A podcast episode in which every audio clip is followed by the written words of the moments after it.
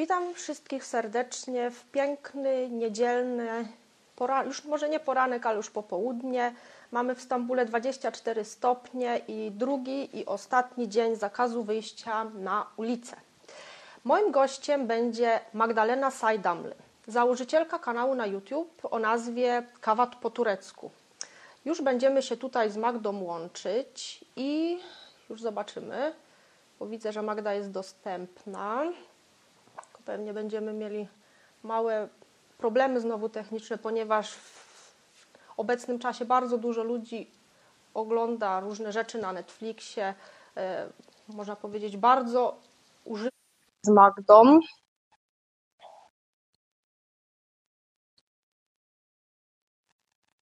O, tak. Cześć Magda. Witam. Nie wiem, czy mnie słychać. Proszę tak. powiedzieć. Myślę, że wszyscy Cię widzą i słyszą. Ja Cię widzę i słyszę super. Magda, powiedz, jak samopoczucie i jak u Was wygląda sytuacja z koronawirusem? Wiem, że mieszkasz w, w okolicach, e, raczej właściwie w, na terenie Van. I czy tam są jakieś przypadki właśnie zachorowań? Czy ktoś umarł z tamtej okolicy? E, mamy trochę przypadków, nie jest e, tak poważna sytuacja jak w Stambule, wiadomo. E, na tą chwilę trochę ponad 130 przypadków. Mhm. No, jest trochę zgonów, ale nie, nie jest absolutnie tutaj żadna jakaś poważna sytuacja. Ja mieszkam w miejscowości Ercisz. To jest mała miejscowość, tutaj praktycznie wcale nie mamy zagrożenia, no ale mimo wszystko uważamy, i przebywamy dużo w domu. Właściwie tylko mój mąż raz w tygodniu wychodzi na zakupy. E, no i w związku z tym, że Van to też jest metropolia, to tutaj też nas obowiązuje teraz e, ten zakaz wychodzenia z domu przez weekend. Czyli razem łączymy się w domu jesteśmy. Tak, tak. Mamy to samo. Dobrze. E, chciałam e, zaprezentować naszym e, Instagramowiczom, czym jest właśnie kanał Magdy. Magda prowadzi kanał na YouTubie o nazwie, jak już wcześniej wspomniałam, Kawa po turecku i można powiedzieć, że przedstawia w nim Magda życie Polki na wschodzie Turcji. Jakie są powiedzmy różnice w kulturze polskiej, w kulturze tureckiej, jakie są podobieństwa i zrobiłam mały research i najbardziej wiralowym filmem jest e, film pod tytułem Polek i Turka. Jak, pozna, jak się poznaliśmy, związek na odległość lub i reakcja rodziny. I film ten obejrzało e, ponad 196 tysięcy osób. Łączna ilość wyświetleń kanału to o około 2 miliony 830 wejść i wyświetleń. E, obecnie kanał Magdy obserwuje 23 tysiące użytkowników i oczywiście zachęcamy naszych Instagramowiczów do śledzenia, zostawiania pozytywnych komentarzy, nie negatywnych i, obserwowania oczywiście Magdy na wszystkich e, social mediach.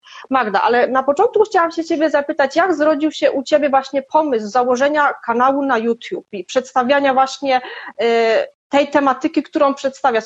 Co Cię do tego zmotywowało? Były dwa powody. Pierwszy powód, myślę, bardzo prozaiczny. Chciałam się zająć czymś kreatywnym mhm. i spróbować czegoś nowego.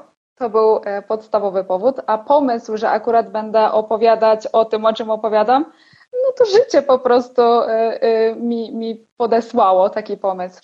Jestem w związku z Turkiem, z moim mężem, znamy się już 9 lat, jesteśmy prawie 5 lat po ślubie. No i mieszkamy na wschodzie Turcji, to już jest nasz czwarty rok tutaj. Mhm. I od kiedy jesteśmy razem i od kiedy ja się tutaj przeprowadziłam, no to słyszę od różnych osób z mojego otoczenia różne stereotypy na hmm. temat Turcji, na temat Turków, na temat takiego związku. No, one są zazwyczaj dość krzywdzące i wiadomo, że nieprawdziwe, więc pomyślałam, że można by było coś z tym robić, e, pokazać, jak to naprawdę wygląda z naszej perspektywy. Stąd taki pomysł. Czyli twoją misją jest, twoją misją jest jakby pokazywanie prawdy ludziom, którzy nie są na miejscu i żeby po prostu ten e, krzywdzący wizerunek, powiedzmy, obywatela Turcji e, za granicą nie był powielany. Mm, tak, o to dokładnie chodzi. A powiedz mi, jak twoja rodzina, znajomi reagują na to, że nagrywasz na YouTubie? Bardzo pozytywnie. Y, wspierają mnie w tym, oglądają, myślę, że są największymi fanami.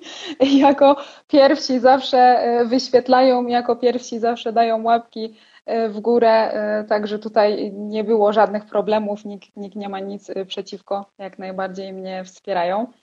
E, też e, często korzystam z tego, że zanim film opublikuję, to podsyłam znajomym rodzinie, żeby ocenili, jak tam, czy, czy coś by trzeba było może zmienić, czy, czy wszystko dobrze poszło, także w ten sposób. A jak powiedz mi, jak wygląda sam proces nagrywania filmów? E, skąd bierzesz tematy? Jak wygląda proces obróbki graficznej? Ponieważ są to rzeczy bardziej takie techniczne. Czy brałaś jakieś kursy dodatkowe, żeby się tego nauczyć? Ile zajmuje, powiedzmy, przeciętnie nagranie jednego filmu i wrzucenie go na, na YouTube, rozpromowanie, sama reklama? Jak wygląda ten proces, jakbyś mogła to opisać? Jeżeli chodzi o tematy, to same przychodzą do głowy gdzieś z codziennego życia, z takich wydarzeń, które są i w naszym prywatnym życiu, i ogólnie w Turcji, mhm. ale też y, sugerują tematy widzowie. E, piszą w komentarzach, co ich interesuje, więc e, to też bierzemy pod uwagę często. Jeżeli chodzi o nagrywanie filmu, samo nagrywanie już w tej chwili nie zajmuje dużo czasu. Oczywiście, jeżeli to jest taki film pogadankowy, a nie tam mhm. vlog z podróży. Vlogi z podróży, wiadomo, że materiały zbiera się przez całą podróż. E, a filmy pogadankowe, nagrywanie po prostu wygląda tak, że siadam i nagrywam. Raczej już w tej chwili nie muszę za dużo robić powtórek, już się oswoiłam z kamerą. Na początku to bywało różnie, e, ale później cały proces faktycznie zajmuje sporo czasu. Tym bardziej, że ja do wszystkich moich filmów tworzę napisy w języku polskim, angielskim i tureckim. O, czyli można, wszyscy mogą to obejrzeć, nie tylko polskojęzycznie, ale i tureckojęzycznie, tak? Tak, i to Super. zajmuje najwięcej czasu, bo no montaż już, już się wprawiłam w to. Nie brałam żadnych kursów. Mhm. E, sama gdzieś tam szukałam informacji. Dużo właśnie na YouTubie jest takich filmów, jak sobie z tym radzić. Dużo też metodą prób i błędów po prostu. Zanim założyłam kanał, e, przygotowywałam się, robiłam research, jak to wszystko po prostu tam ustawiać na YouTubie, jak promować, co gdzie wpisywać i tak dalej. Mhm. Więc byłam przygotowana. E, montażu się nauczyłam powoli. E, I sam montaż, mówię, nie trwa długo, ale napisy. Napisy tworzy się w taki sposób, że my, twórcy na YouTubie, mamy takie narzędzie wewnątrz YouTube'a do tworzenia mhm. napisów jak już film e, wgram na YouTube, zanim go opublikuję, e, mogę wyświetlić takie narzędzie, gdzie widzę linię głosową, żeby było łatwiej dopasowywać, w którym momencie danie, dane zdanie ma się wyświetlać.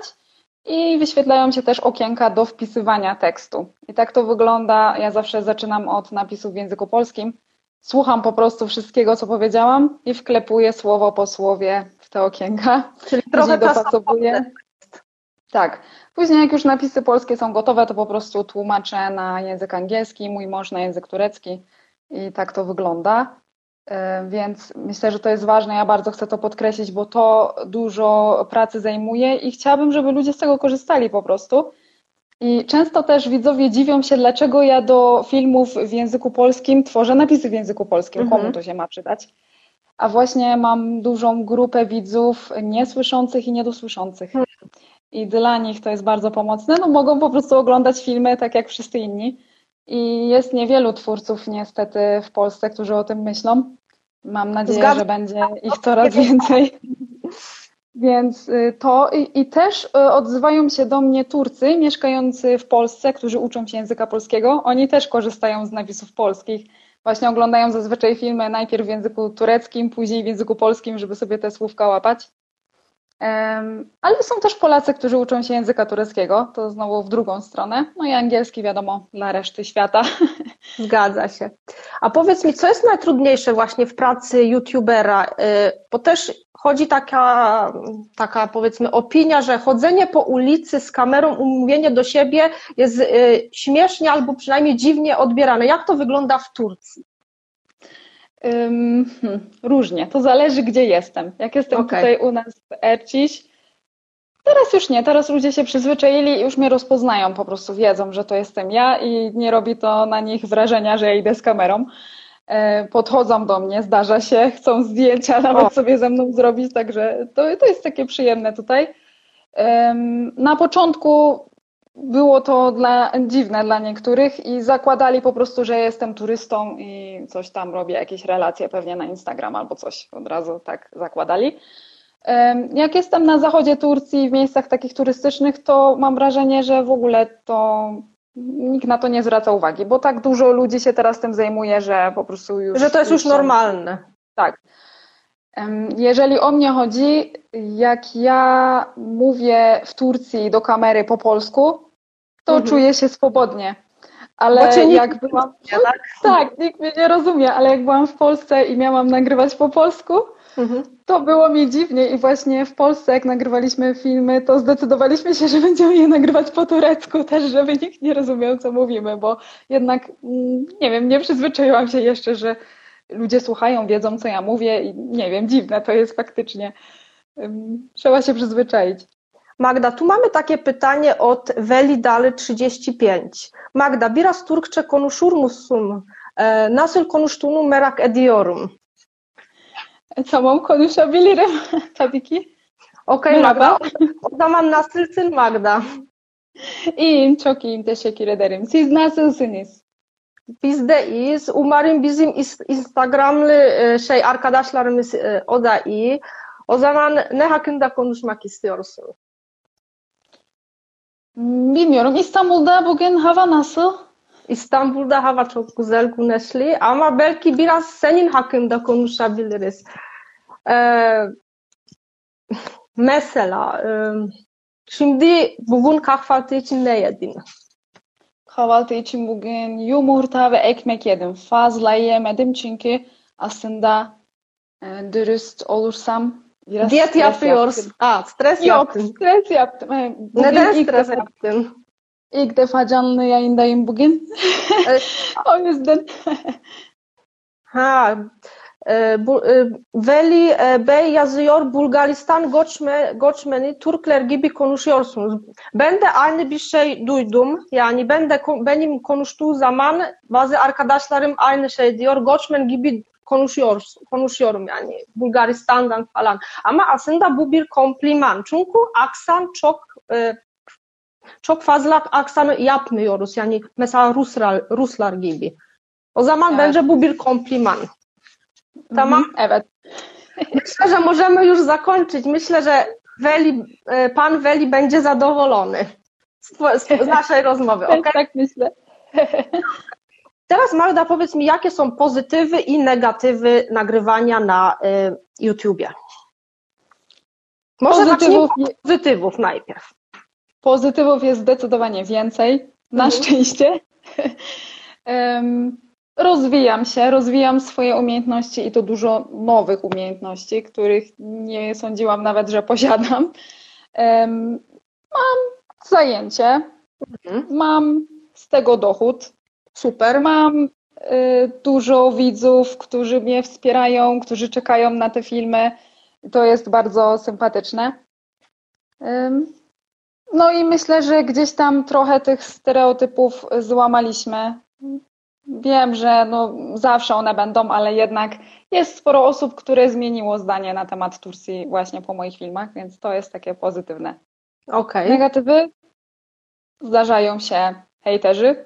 Tak to bywa trudne. Ja się już przyzwyczaiłam, oswoiłam z tym, yy, uświadomiłam sobie, że naprawdę nieważne jest, co ja powiem na filmie, o czym będzie ten film, jak będę wyglądać, i tak znajdzie się ktoś, co napisze coś niestosownego, mhm. po prostu, bo jest taką osobą. Yy, więc nie biorę tego już y, do siebie, ale faktycznie jest to trochę takie męczące, takie już, już nudne aż, bo no, trzeba moderować te komentarze. Muszę to czytać, hmm. żeby blokować ewentualnie te osoby albo usuwać to po prostu, żeby inni nie musieli czytać takich rzeczy, bo często to są wulgarne komentarze, po co mają kulturalne osoby to czytać. widzieć. Więc, więc muszę tym się zajmować. Czy chcę, czy nie chcę, muszę to czytać po prostu i to jest takie, no. Bo wiem, że też nagrałaś taki film pod tytułem Stop Hate. I poruszasz mhm. właśnie w nim e, tematy hejtu, które, hejtu, który ciebie dotknął. Czy mogłabyś opisać, jak on wyglądał? E, czego właśnie dotyczyły te, te, te, e, ta, ta nagonka na ciebie? Jak z tym walczyłaś? Już powiedziałaś mniej więcej. I, i czy sobie poradziłaś z tym? Największy hejt, taki pierwszy, spadł na nas po filmie na temat religii, bo mhm. jesteśmy w związku, w którym są dwa wyznania. E, mój mąż jest muzułmaninem, ja jestem e, chrześcijanką katoliczką, więc y, no, na ten temat chcieliśmy film nagrać, bo dużo dostawaliśmy pytań, jak rozwiązujemy tą kwestię w związku.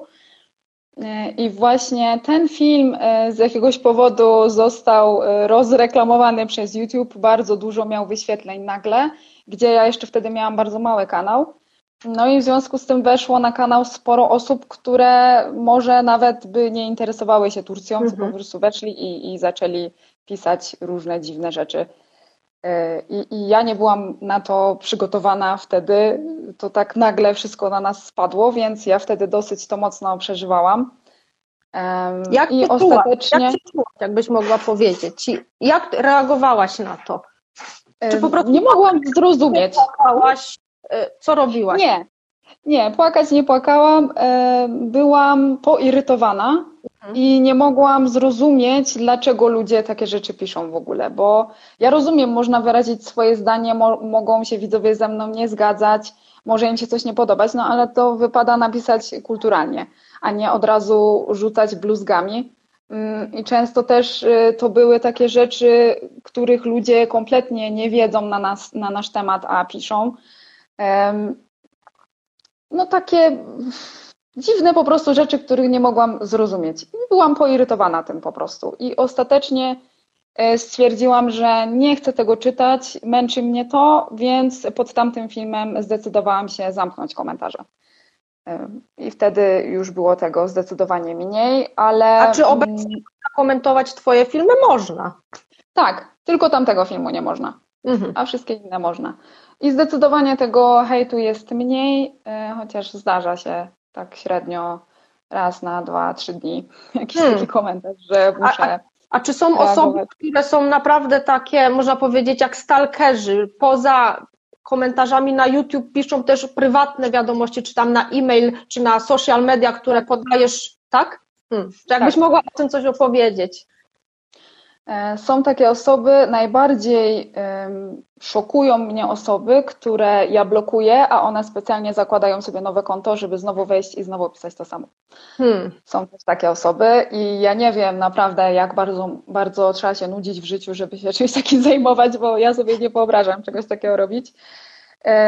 Na e, innych y, mediach społecznościowych, na Instagramie, na Facebooku dostaję wiadomości też czasem brzydkie, ale no, traktuję to tak samo jak na YouTubie, po prostu też jest możliwość zablokowania takich osób. Od razu blokuję, nie dyskutuję, nie ma sensu reagować, bo widać, widać jaki jest cel tych osób, po prostu mnie obrazić, zirytować i tyle. Oni tutaj nie chcą w żaden sposób dyskutować. Zgadza się.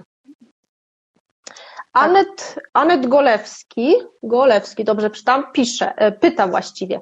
E, Magda, sądząc po różnych wpisach, to kobiety bardziej hejtują. Czy myślisz inaczej? Mm, nie wiem sama, e, ale może to bierze się z tego, że faktycznie większość moich widzów to są kobiety na kanale, więc mhm. może stąd takie statystyki. A jaki jest przedział wiekowy? Bardzo różne. Najmniej jest osób takich nastoletnich. Mhm. W większości to są osoby takie w moim wieku, czyli gdzieś tam przedział 25-35, ale są nawet osoby po 60, także y, no naprawdę rozstrzał jest duży. I te, też jeszcze chciałam, chciałam zapytać właśnie z Twojej perspektywy, jak to wygląda.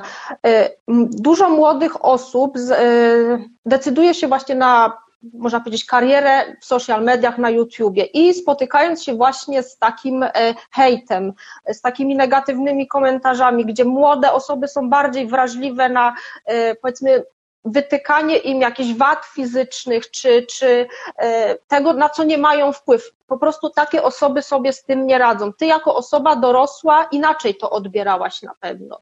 Więc czy uważasz, że młode osoby powinny pracować albo nawet dla zabawy zajmować się właśnie taką twórczością na YouTube?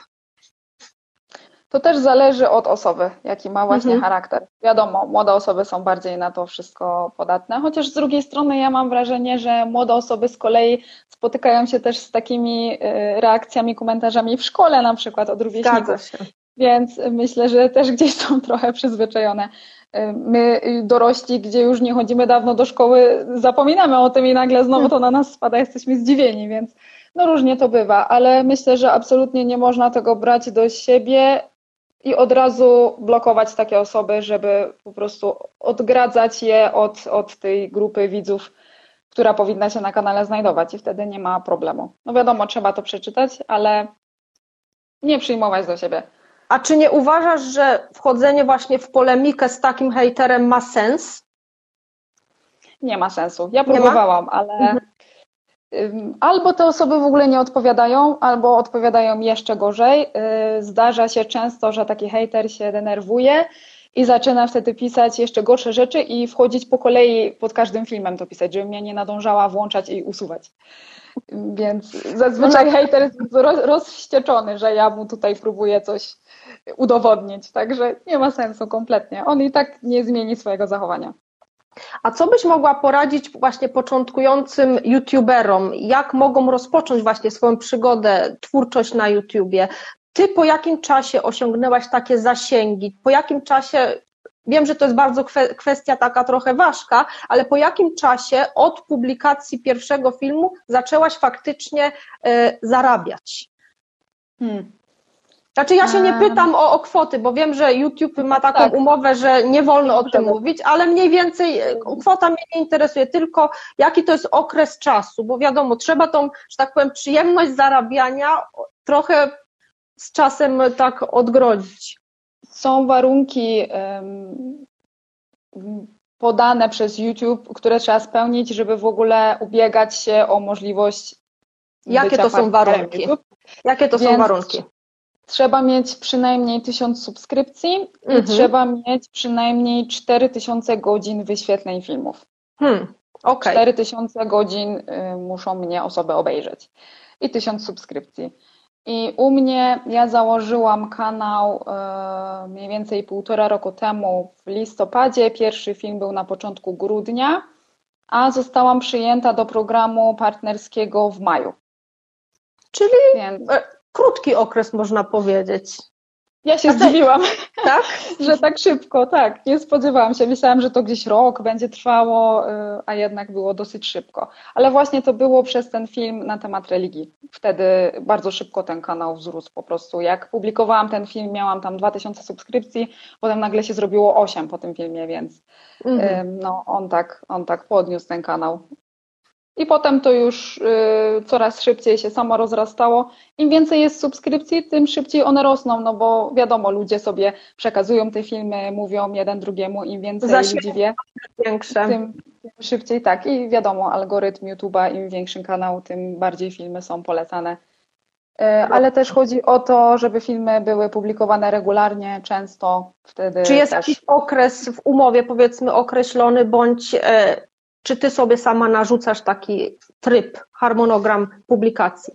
Nic, YouTube nam niczego nie narzuca, sami sobie o wszystkim decydujemy, jak często będą filmy, jakie one będą długie, e, o czym będą, to już sami decydujemy. Musimy tylko przestrzegać regulaminu. Niektóre filmy, które dotyczą wrażliwych tematów, nie zarabiają czyli jak, na przykład. Czyli jakich?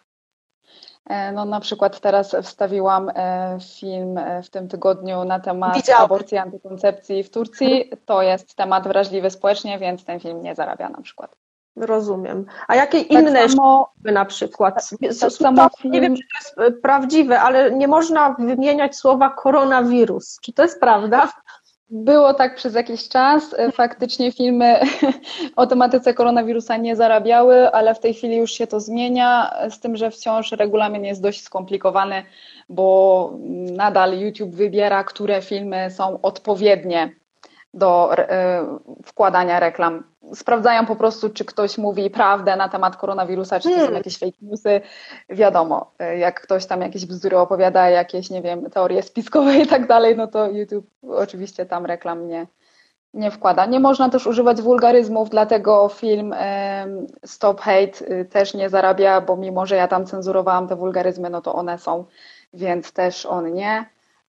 Czasami zdarza się, że YouTube ocenia, że dany film nie ma zarabiać, ale można go wysłać do sprawdzenia ręcznego i faktycznie fizyczna jakaś osoba, która pracuje w YouTubie, ten film ogląda i wtedy decyduje, czy można jednak te reklamy dodać, czy nie. Więc no, na to musimy tylko uważać, na ten regulamin.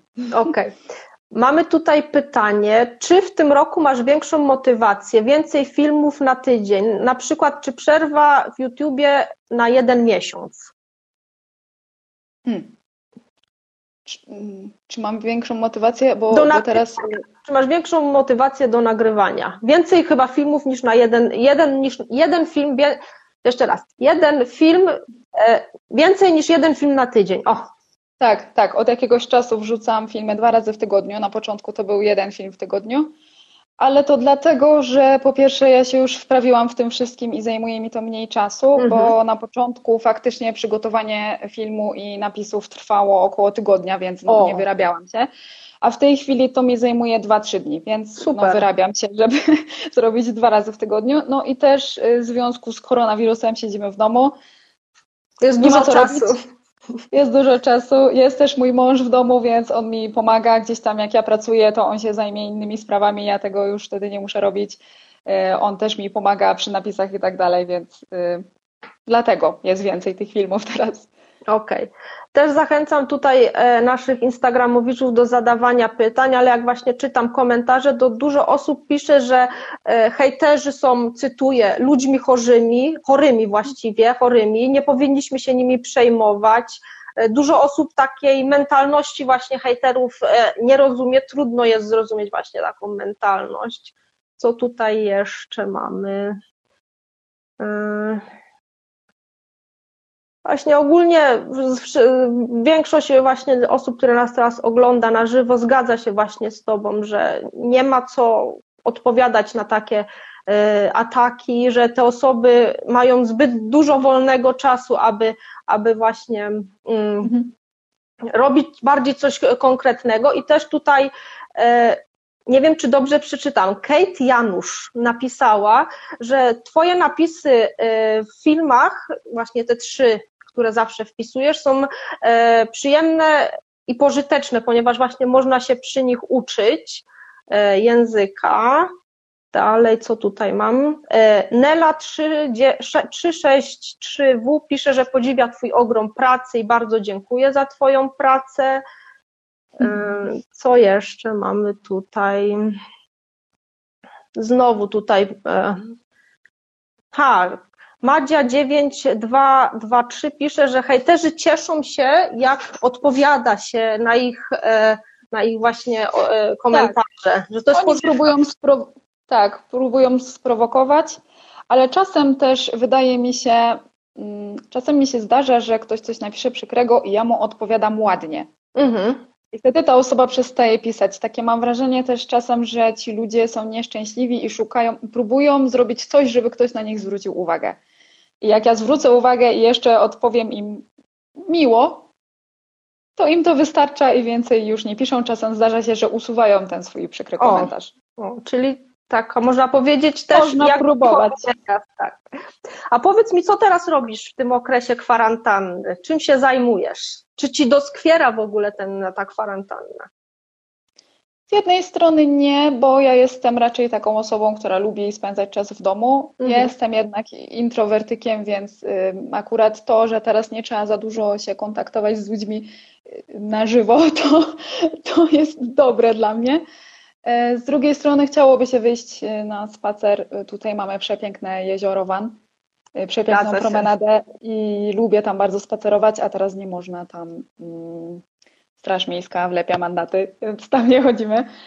E, ale zajmuję się YouTube'em, zajmuję się mężem, zajmuję się domem, czytam książki, oglądamy filmy, teraz cały czas oblegamy Netflix, e, gotujemy, takie rzeczy. Zwyczajne takie życie domowe w tej chwili, jak wszyscy pewnie myślę.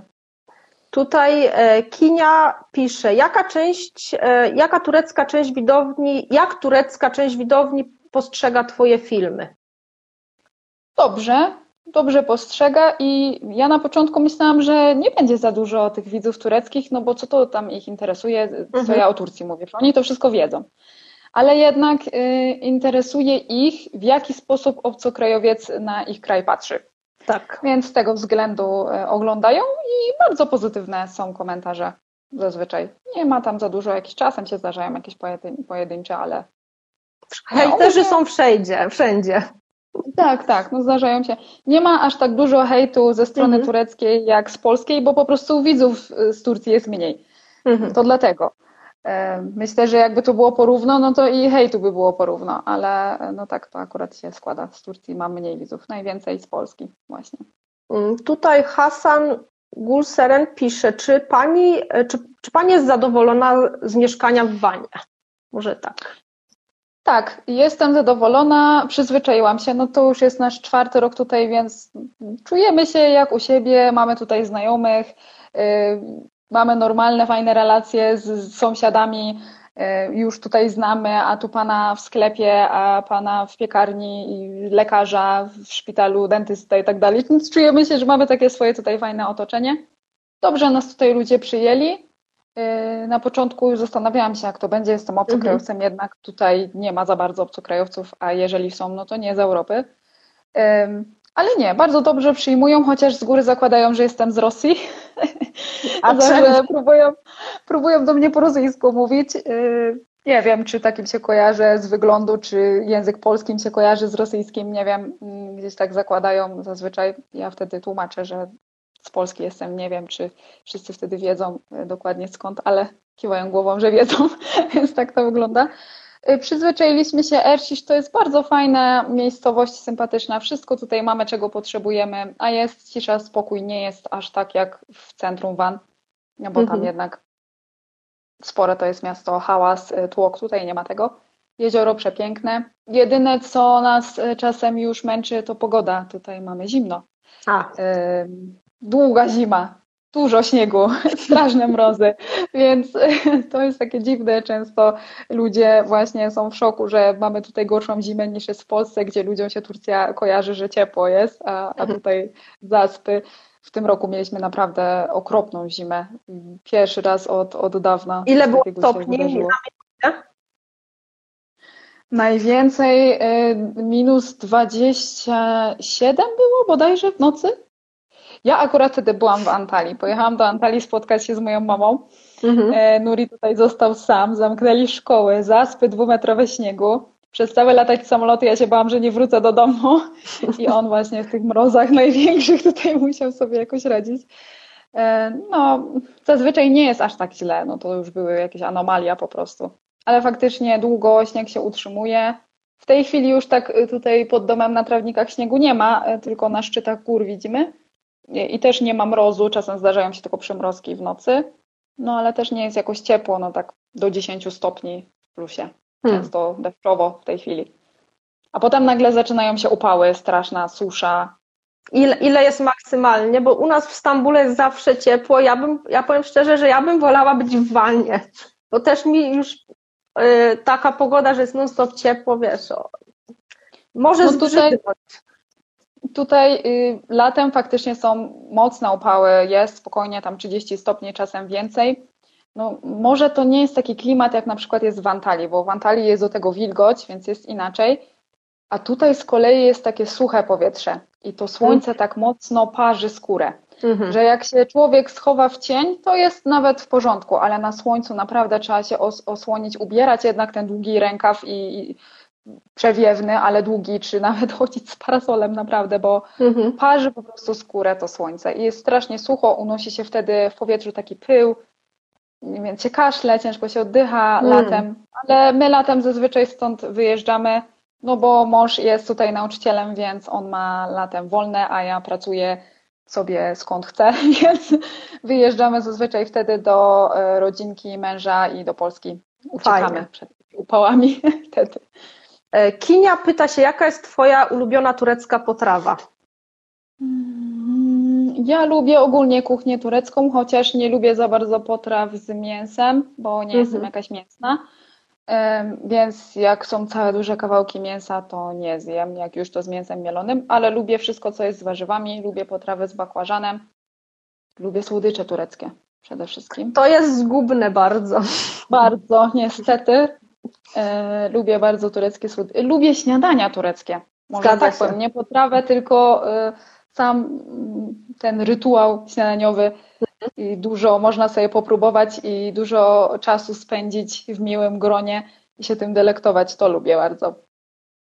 A jeszcze mieliśmy tu takie pytanie o to, czy znasz język turecki, ale może e, turecki, kurdyjski, ale może zanim na ten temat odpowiesz, opowiedziałabyś nam, e, naszym widzom, jak wyglądała właśnie Twoja przygoda z nauką języka tureckiego. E, czy się uczyłaś sama, czy byłaś na jakichś kursach, jaka była powiedzmy sytuacja, która była zabawna dla Ciebie, używając właśnie tego języka? Może byś o tym powiedziała.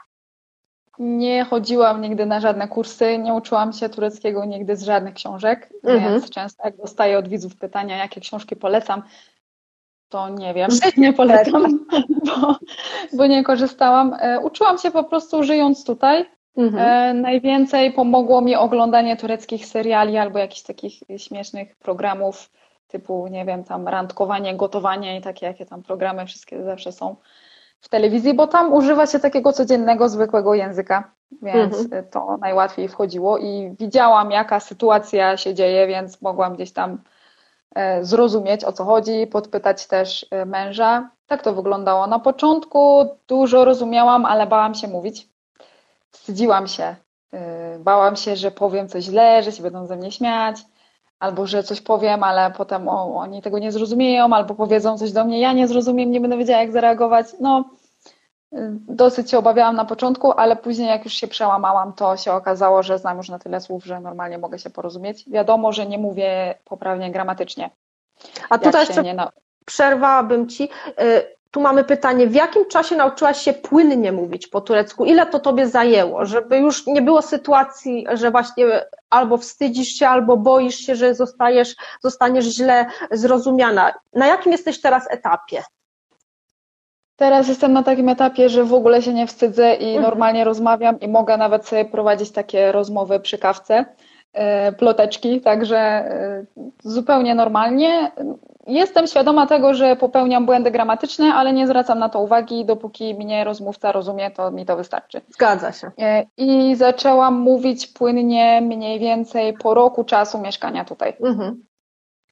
I tu też mamy pytanie od Monik Górniak. Czy Nuri, podejrzewam, że chodzi o męża, tak. czy Nuri mówi lepiej po polsku niż ty po turecku, czy raczej na tym samym poziomie? Hmm, mi się wydaje, że Nuri mówi lepiej po polsku. Hmm? A gdzie się nauczył polskiego? W Polsce. My na początku mieszkaliśmy w Polsce, zanim się do Turcji przenieśliśmy. I on tak pomieszkiwał w sumie w tej Polsce, bo przyjeżdżał raz na jakiś czas. Mhm. E, później właśnie mieszkaliśmy tak, chcieliśmy na stałe, więc to trwało. Wszystko razem jak podliczyć, to pewnie z dwa lata by wyszło jego pobytu w Polsce. I wtedy się nauczył, y, my go zmuszaliśmy. To znaczy, ja po prostu zaczęłam do niego mówić po polsku i, i obserwowałam, co się stanie. On na początku się irytował, bo nic nie rozumiał, mhm. ale później jakoś się przyzwyczaił. Y, no i też jak zamieszkaliśmy w Polsce, ja pracowałam w szkole językowej, on szukał pracy i był w domu z moją mamą. Moja mama nie mówi ani po angielsku, ani po turecku, więc musiał się z nią dogadać po polsku. Mama też go wysyłała specjalnie na zakupy do supermarketów i tak dalej, musiał sobie chłopak poradzić i w taki sam sposób się nauczył polskiego jak ja tureckiego. Ale on mówi lepiej po polsku z tego względu, że on wcześniej zaczął się tego polskiego uczyć niż ja mhm. tureckiego. A jak codziennie rozmawiacie ze sobą? W jakim języku? Mieszamy bardzo. Y, to znaczy, to wychodzi już teraz tak naturalnie. Jeżeli Nuri powie do mnie po turecku, to ja mu po turecku odpowiadam. Jak po polsku, to po polsku. Czasami mieszamy trzy języki w jednym zdaniu, naprawdę, bo po angielsku też oboje jesteśmy filologami języka angielskiego, więc o. na początku angielskiego używaliśmy do mhm. komunikowania się. I teraz czasem się zdarza, że zaczniemy zdanie po turecku, w środek wstawimy angielskie słowo i skończymy po polsku, więc tak też bywa. I najśmieszniejsze jest to, że my na to nie zwracamy w ogóle uwagi, dopiero jak ktoś obok nas słucha, co my mówimy, to mówi do nas, jak co wy w ogóle mówicie. Tak to wygląda. A co z nauką języka lub znajomością języka kurdyjskiego? Bo mieliśmy takie pytanie, mhm. czy, czy znasz? Nie znam, nie nauczyłam się jakoś. Y, Nuri też nie. Jakieś tam pojedyncze słowa mniej więcej wiemy, co znaczą, ale nie nauczyliśmy się i dla mnie to było też takie zabawne właśnie, że y, tak się cieszyłam, że już tutaj turecki rozumiem, poradzę sobie, przyprowadziliśmy się tutaj, a tutaj ludzie po kurdyjsku i znowu nic nie rozumiałam i Nuri też. Więc to było takie śmieszne. No fakt, że tutaj Kurdowie przecież znają turecki, więc normalnie można po turecku rozmawiać. Fakt, że mają trochę taki charakterystyczny akcent, i y, no, czasem jest ciężko zrozumieć mi, co mówią, i im jest ciężko zrozumieć, co ja mówię czasami, bo ja też mam swój akcent, wiadomo. Ale jest taka między nami nić porozumienia y, z tego względu, że no jakby jesteśmy w tej samej sytuacji. Dla nich turecki to nie jest do końca język ojczysty, dla mnie też nie, więc rozumiemy, jak to jest po prostu. To jest takie sympatyczne bardzo. A czy dużo Polaków bądź Polek mieszka w Twojej okolicy? Mm, nie. Nie ma nikogo. Ostatnio się cieszyłam, bo się okazało, że jest jedna dziewczyna z Polski niedaleko nas, tak pół godziny drogi samochodem. E, ale ostatnio dostałam informację, że jednak przenosi się na zachód Turcji. E, no właśnie tak samo jak i my pewnie za jakiś czas się przeniesiemy ze względu na pracę męża. Więc nie zdążyłyśmy się spotkać. Wiadomo jest teraz ta sytuacja z koronawirusem, więc odkładałyśmy to spotkanie, odkładałyśmy, a tu dziewczyna się wyprowadza, więc znowu będę sama. Magda, bardzo Tobie dziękuję za rozmowę. Miło było Ciebie poznać. Była to nasza pierwsza rozmowa, ale też bardzo dużo się nauczyłam. E, jak oglądałam Wasz kanał właśnie, bardzo mi się właśnie też podoba Twoja perspektywa, jak e, pokazujesz dużo rzeczy właściwie obiektywnie. Nie, jest oczywiście zawarte w, tam, w, w filmach twoich twoje zdanie, ale nie starasz się jakby przeforsować e, różnych takich opinii, tylko pokazujesz rzeczy, jakimi są. I myślę, że właśnie dzięki Twojemu kanałowi dużo osób ma po pierwsze możliwość zapoznania się z kulturą turecką, z kulturą polską, e, mogą uczyć się tego języka, tak jak ty jesteś sama przykładem, że można nauczyć się języka tureckiego bez kursów, bez książek, taki twój kanał może i Polakom, i Turkom przysłużyć się właśnie do nauki i e, bardzo tobie dziękuję. Ja również dziękuję za zaproszenie, bardzo mi było miło. Mnie również i tu jeszcze chciałabym powiedzieć naszym Instagramowiczom, że oczywiście y, nasz ten live będzie zapisany. Opublikujemy go na stronie y, Stowarzyszenia Polonii w Stambule, na naszym fanpage'u, na naszych social mediach i będzie również on dostępny w formie podcastu na y, programie Halo Turcja. Więc Magda, jeszcze raz bardzo dziękuję i mam nadzieję, że do usłyszenia wkrótce. Ja też mam nadzieję. Do Trzymaj zobaczenia. się i miłego dnia. Miłego dnia. Na razie.